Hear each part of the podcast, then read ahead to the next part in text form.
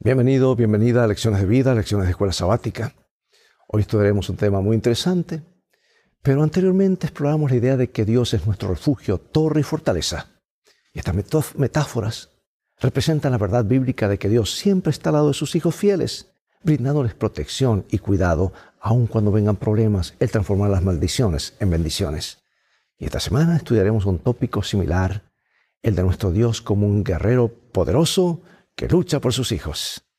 También consideraremos esta idea dentro del contexto de la opresión social, muy común en los tiempos bíblicos, como lo es lamentablemente en nuestros tiempos. El tema de la opresión social, un tema principal en los libros proféticos del Antiguo Testamento, se repite en todos los salmos, parece que era un problema en esa época. Si bien los abusos de las personas por parte de sus líderes políticos nos causan angustia, no dejamos de tener esperanza. Ciertamente el Señor es defensa de los humildes. Así que ve por tu Biblia y en un momento más regresaré.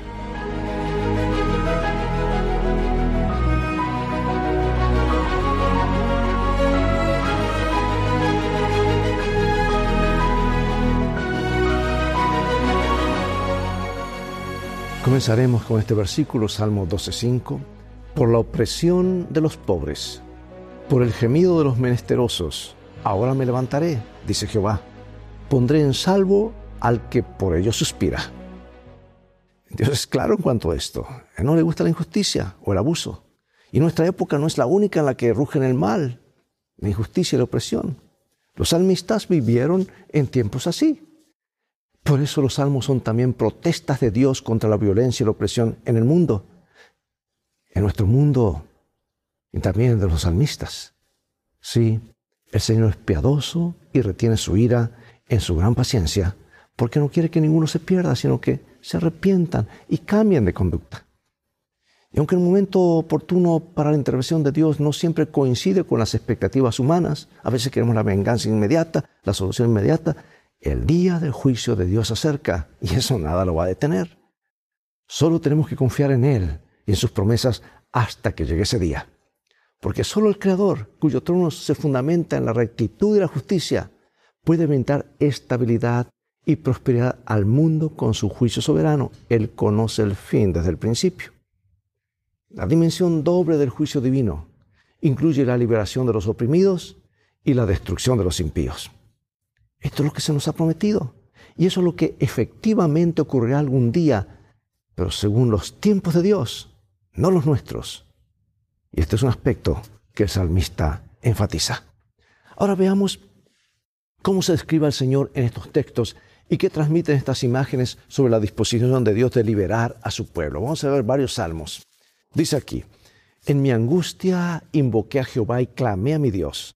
Él oyó mi voz desde su templo y mi clamor llegó delante de él a sus oídos. La tierra fue conmovida y tembló, se conmovieron los cimientos de los montes y se estremecieron porque se indignó él. Me asaltaron en el día de mi quebranto, mas Jehová fue mi apoyo. A tu reprensión, oh Dios de Jacob, el carro y el caballo fueron entorpecidos. Tú temible eres tú, ¿y quién podrá estar en pie delante de ti cuando se encienda tu ira? Desde los cielos hiciste oír juicio, la tierra tuvo temor y quedó suspensa cuando te levantaste, oh Dios, para juzgar, para salvar a los mansos de la tierra. Bueno, estos son himnos que alaban al Señor por su impresionante poder sobre las fuerzas del mal que amenazaban a su pueblo. Y representan a Dios en su majestad como guerrero y juez. La imagen de Dios como guerrero es, frecuente en los salmos y resalta la, la severidad y la urgencia de la respuesta de Dios a los clamores y el sufrimiento de su pueblo. Dice el Señor tronó desde el cielo, el Altísimo dio su voz, hubo granizo y brasas de fuego envió sus saetas y deshizo a sus enemigos. Dice, lanzó sus relámpagos y los destruyó. Entonces apareció el lecho del mar, se descubrieron los cimientos del mundo ante su reprensión, eh, la reprensión del Señor. Dice, por el soplo de tu aliento. O sea, la determinación y la magnitud de los actos de Dios deberían disipar cualquier duda, amado y amada, sobre el gran cuidado y la compasión de Dios por los que sufren o sobre su capacidad para derrotar el mal. Solo tenemos que esperar a que Él actúe. Acuérdate mucho antes que tú y yo hayamos nacido, Dios ya entregó su vida la vida de su Hijo para que tú y yo tengamos la victoria. No desconfíes del amor de Dios. Su amor va más allá de lo que podemos comprender. En definitiva, incluso cuando el pueblo de Dios como David participó en guerras, la liberación no, no provino de los medios humanos. En sus muchas batallas contra los enemigos del pueblo de Dios, el rey David alabó a Dios como el único que obtuvo todas las victorias. Y así lo fue. Hubiera sido fácil para David atribuirse el mérito de sus muchos éxitos y triunfos, pero esa no era su actitud. Él sabía de dónde provenía la fuente de su poder. Y aunque David afirma que el Señor entrena sus manos para la guerra, en ninguna parte de los salmos confía en sus habilidades para la batalla. Al contrario, el Señor lucha por David y lo libra. En los salmos el rey David, famoso por ser un guerrero de éxito, asume el papel de músico experto y alaba al Señor como el único libertador y sustentador de su pueblo. La alabanza y la oración al Señor son las fuentes de fuerza para David más poderosas que cualquier arma de guerra. Y contigo y conmigo ha de suceder lo mismo. Únicamente en Dios se puede confiar y a Él solo alabar. Más allá de los dones, de las habilidades, del éxito que hayas tenido, ya sean estudios, o tu poder, o tu fuerza, o tus recursos, ¿por qué debes recordar siempre que la fuente de todos ellos es Dios? ¿Qué peligro corres si olvidas esa fuente? Es muy común eso, tomar las cosas en nuestras manos, ¿verdad? Bueno, vamos a ver los siguientes salmos. ¿Cuál es su mensaje para nosotros hoy? Dice, porque no para siempre será olvidado el menesteroso ni la esperanza de los pobres perecerá perpetuamente. Por la opresión de los pobres, por el gemido de los menesterosos, ahora me levantaré, dice Jehová, pondré en salvo al que por ello suspira. Aunque afligido yo y necesitado, Jehová pensará en mí, que hace justicia a los agraviados, que da pan a los hambrientos. Jehová liberta a los cautivos, Jehová abre los ojos de los ciegos, Jehová levanta a los caídos, Jehová ama a los justos, Jehová guarda a los extranjeros, al huérfano y a la viuda sostiene, y el camino de los impíos trastorna.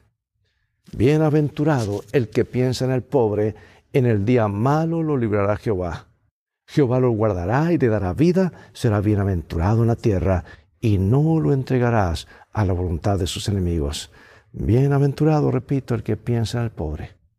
Dios muestra especial cuidado y preocupación por la justicia en relación a los diversos grupos vulnerables de personas, incluyendo los pobres, los necesitados, los oprimidos, los huérfanos, las viudas, los viudos, los extranjeros. Ya que hago una pausa, hermano y hermana. A veces pensamos que esa persona eh, no sé, tal vez tomó una mala decisión, pero a veces el infortunio en la vida, los golpes lo han llevado a tomar a veces un mal consejo, no sé, pero es nuestro prójimo. Y Dios cuida y vela por ellos, y tan ciertamente como Él tiene un plan para nosotros, tiene un plan para ellos también. Seamos bondadosos, amables, con cualquier grupo social. Son todos hijos de Dios, ciudadanos del reino de los cielos. Y, y Salmos, al igual que la ley de los profetas, son claros al respecto. Porque muchos salmos utilizan la expresión pobre y necesitado y evitan representar a los oprimidos en términos exclusivamente nacionales o religiosos. ¿Sabes que esto es así para resaltar el cuidado universal de Dios por toda la humanidad? La expresión pobre y necesitado no se limita a la pobreza material, sino también significa vulnerabilidad y desamparo. Y cada vez más y más hay gente de esta manera, sufriendo la vulnerabilidad y el desamparo. Esta expresión apela a la compasión de Dios y transmite la idea de que Él sufre eh, junto con nosotros. El que sufre está solo y no tiene más ayuda que Dios. Y Dios se da cuenta de eso. Por eso la expresión eh, pobre y necesitado también se refiere a nuestra sinceridad, veracidad y amor por Dios al confesar nuestra total dependencia de Dios y renunciar a cualquier rastro de autosuficiencia y afirmación personal. Por su parte, el cuidado de los desposeídos demuestra la fidelidad del pueblo a Dios.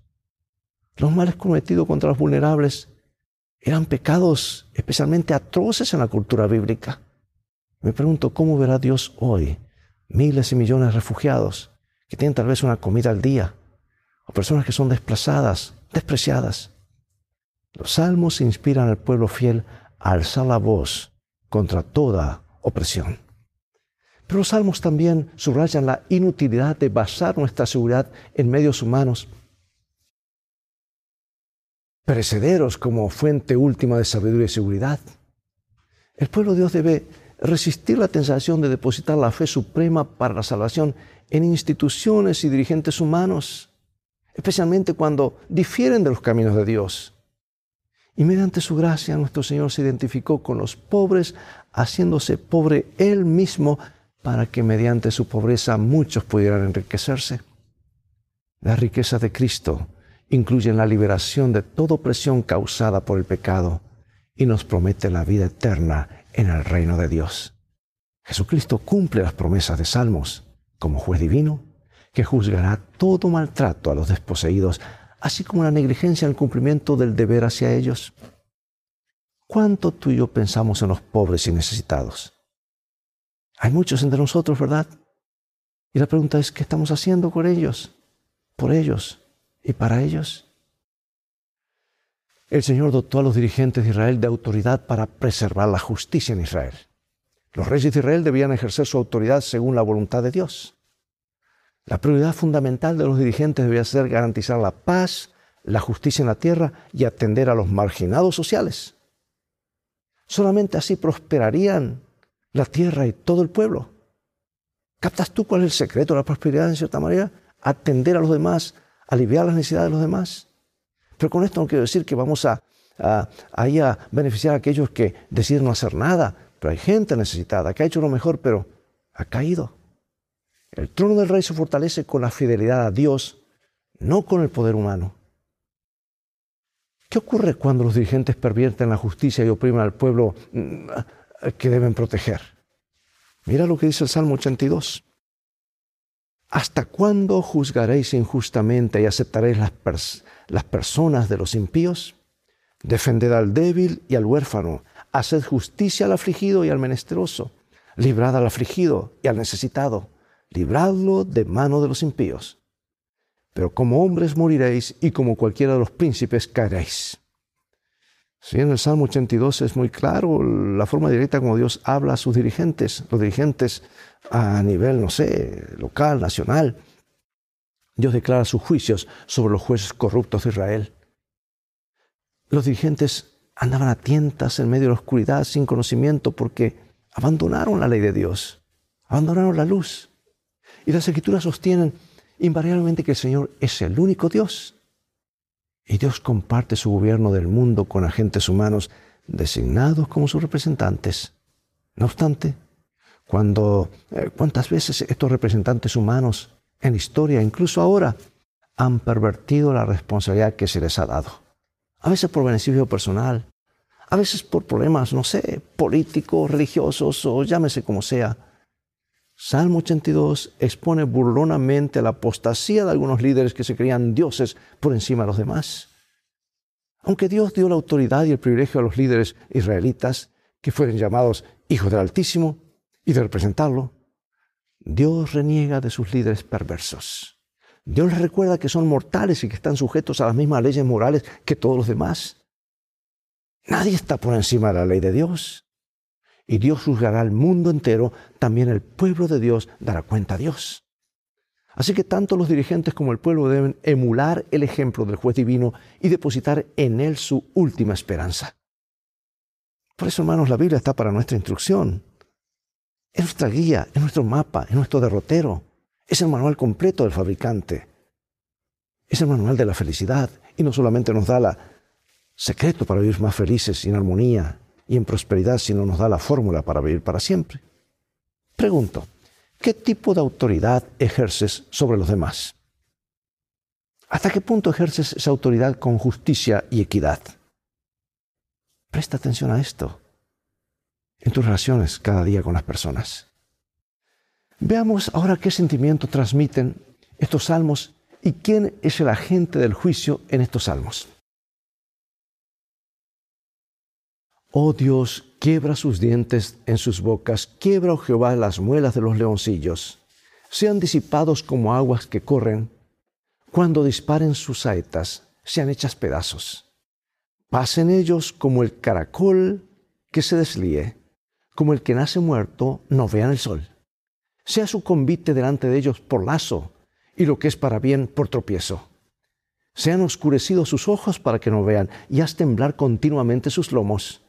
Derrama sobre ellos tu ira, y el furor de tu enojo los alcance.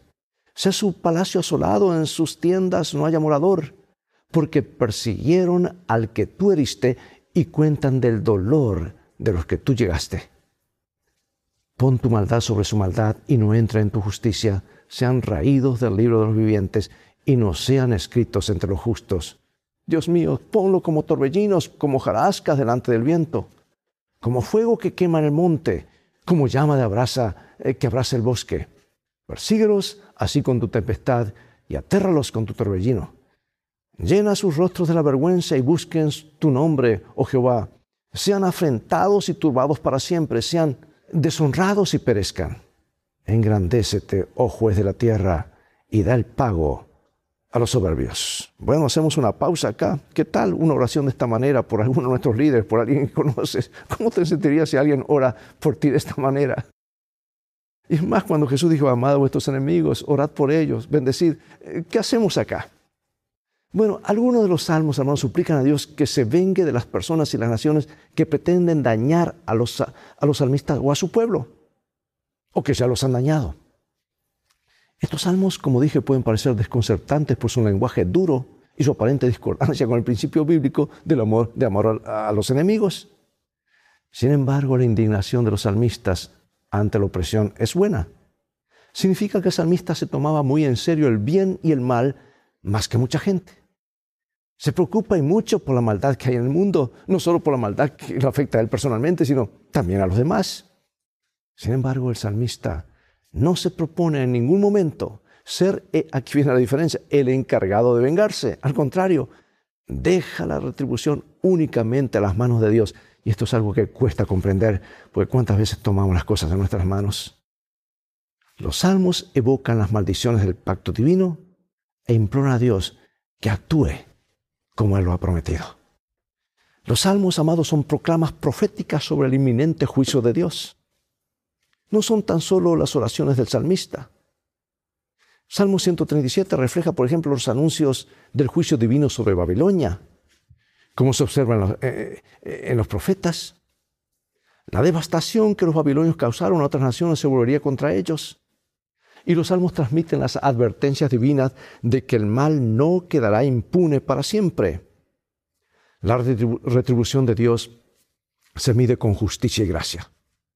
Los hijos de Dios están llamados a orar por quienes los maltratan e incluso a desear su conversión. Sin embargo, al tratar de armonizar estos salmos con las normas bíblicas de amar a los enemigos, debemos tener cuidado de no minimizar la experiencia agonizante que se expresa en ellos.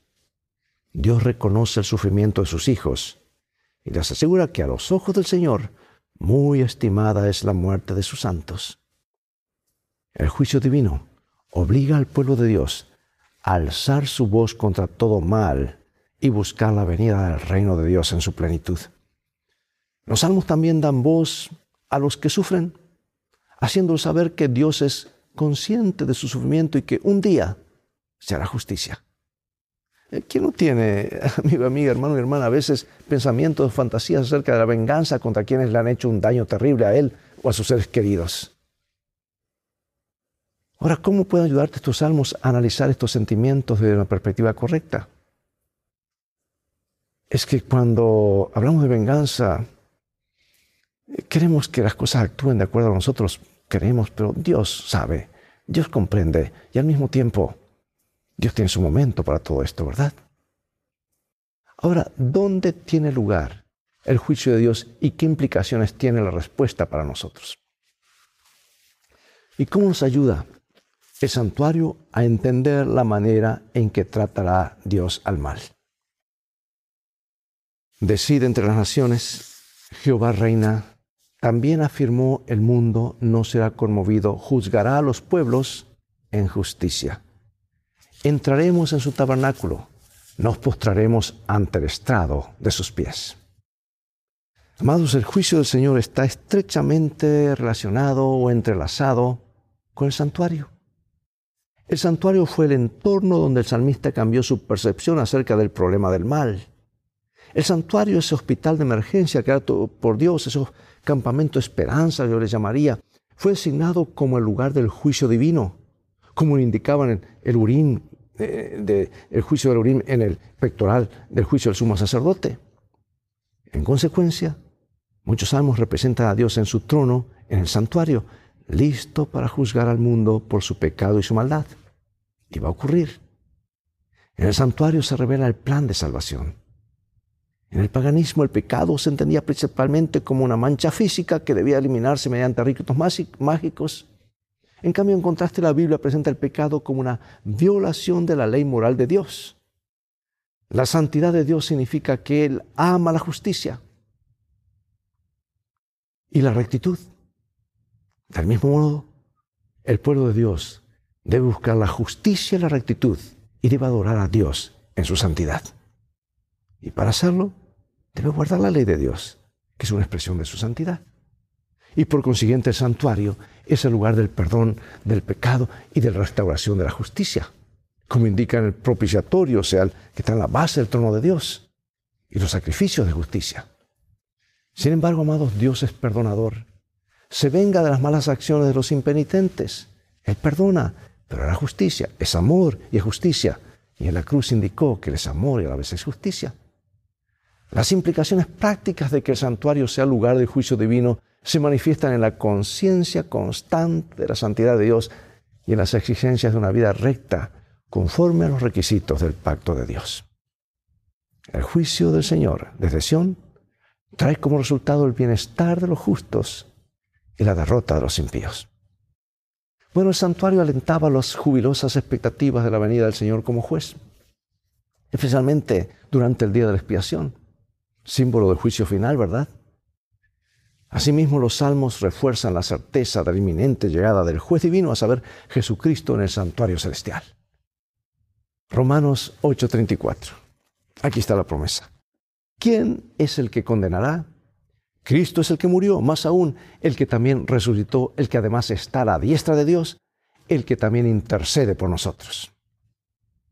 ¿Cómo nos muestran estos versículos lo que Cristo está haciendo en el santuario celestial? Que es una buena noticia para su pueblo. Él defiende nuestro caso. Él juzga con justicia. Por eso nuestra única seguridad está en lo que Él está haciendo en el santuario celestial. Amados, los salmos son protestas contra la indiferencia humana ante la injusticia. Son un rechazo a aceptar el mal. No están motivados por el deseo de venganza, sino por el celo de glorificar el nombre de Dios. Por eso, no es incorrecto que los justos se alegren cuando vean la venganza de Dios sobre el mal, porque así se restablece en el mundo el nombre de Dios y su justicia. Los salmos obligan a levantar la voz contra el mal y a anhelar la venida del reino de Dios en su plenitud. En los salmos se nos da la seguridad del consuelo y la liberación divinos. El gran Señor se levantará, el gran príncipe que está de parte de los hijos de, de tu pueblo. Y la pregunta, ¿está nuestro nombre en el Santo Libro para que el Señor gane el derecho de defendernos? Mira esta cita hermosa del libro El discurso maestro de Jesucristo y nos dice, Jesús dijo, cuando por mi causa os vituperen y os persigan, gozaos y alegraos. Señaló a sus oyentes que los profetas que habían hablado en el nombre de Dios habían sido ejemplos de aflicción y de paciencia. Abel, el primer cristiano entre los hijos de Adán, murió como mártir. Enoch caminó con Dios y el mundo no lo supo. Noé fue escarnecido como fanático y alarmista. Otros experimentaron vituperios y azotes, y a más de esto, prisiones y cárceles. Y otros fueron atormentados, no aceptando rescate, a fin de obtener mejor resurrección. Sí, amados, ah, es la realidad que vivimos en este mundo, este lado de eternidad. Y dado que la dolorosa constatación del mal en el mundo puede hacer que nos preguntemos si el Señor reina realmente. ¿Cómo podemos desarrollar una fe inquebrantable que se mantenga firme incluso bajo la tentación? Y aquí hago una pausa. ¿Qué pasó con los cristianos en la Edad Media cuando eran quemados vivos? ¿Qué los sostenía a ellos? Esa fe, veían más allá. Por eso pregunto, ¿en qué debemos concentrarnos, centrarnos nosotros para mantener nuestra fe en el amor y la bondad y el poder de Dios? ¿Qué debería decirnos la cruz acerca del Dios y su carácter? Porque es importante no confiar en los medios humanos, ya sea autoridades, instituciones o movimientos sociales, como sabiduría y soluciones finales para la justicia del mundo, sino confiar únicamente en la palabra y el juicio de Dios. ¿Qué implicaciones prácticas podemos extraer de la verdad de que el santuario sea el lugar del juicio divino? ¿Cómo podemos entender el lenguaje duro de algunos salmos? ¿Cómo nos ayuda este lenguaje a vernos reflejados en la humanidad de quienes lo escribieron? Vamos a concluir ahora diciendo que Dios es amparo y refugio de los que están en problemas, pero también es el guerrero divino que lucha por los oprimidos. Además es un líder proactivo. Por lo tanto, debemos ser proactivos al enfrentar los problemas sociales que enfrentamos hoy en el mundo. No vamos a poder solucionar todos, pero podemos hacer la diferencia en la vida de una persona aquí y allá. No podemos resolver todos los problemas, pero podemos esforzarnos por tener un impacto positivo en nuestra comunidad y en la vida de los vulnerables y oprimidos que nos rodean. Los pobres, los marginados y los perseguidos. Podemos hacer un trabajo significativo y transformador para aquellas minorías que han sido marginadas por la sociedad, tal como lo hizo Jesús, en nombre de los recaudadores de impuestos, los pecadores, las prostitutas, los marginados de su tiempo. Así que la reprimenda del salmista a los líderes comunitarios y políticos también nos incluye si somos indiferentes al sufrimiento o a las injusticias de la sociedad y no los abordamos o aliviamos. Finalmente, amados, debemos recordar que la solución final a los males de nuestro mundo injusto vendrá desde el santuario celestial. Hagamos nuestra parte confiando en el divino guerrero para el resultado final de la justicia. Oremos. Padre nuestro que estás en el cielo, gracias que tú defiendes nuestro caso. Aunque a veces no podemos ver más allá frente a los problemas tan reales, pero tú estás allí presente y las crisis son la oportunidad o el material del cual están hechos los milagros. Queremos seguir confiando en ti en las buenas y en las malas. Gracias por darnos a conocer cómo han de terminar las cosas Queremos, mientras tanto, seguir confiando en ti. Estamos a prueba antes de recibir las riquezas eternas, antes de recibir la vida eterna. Queremos aprender a confiar en ti.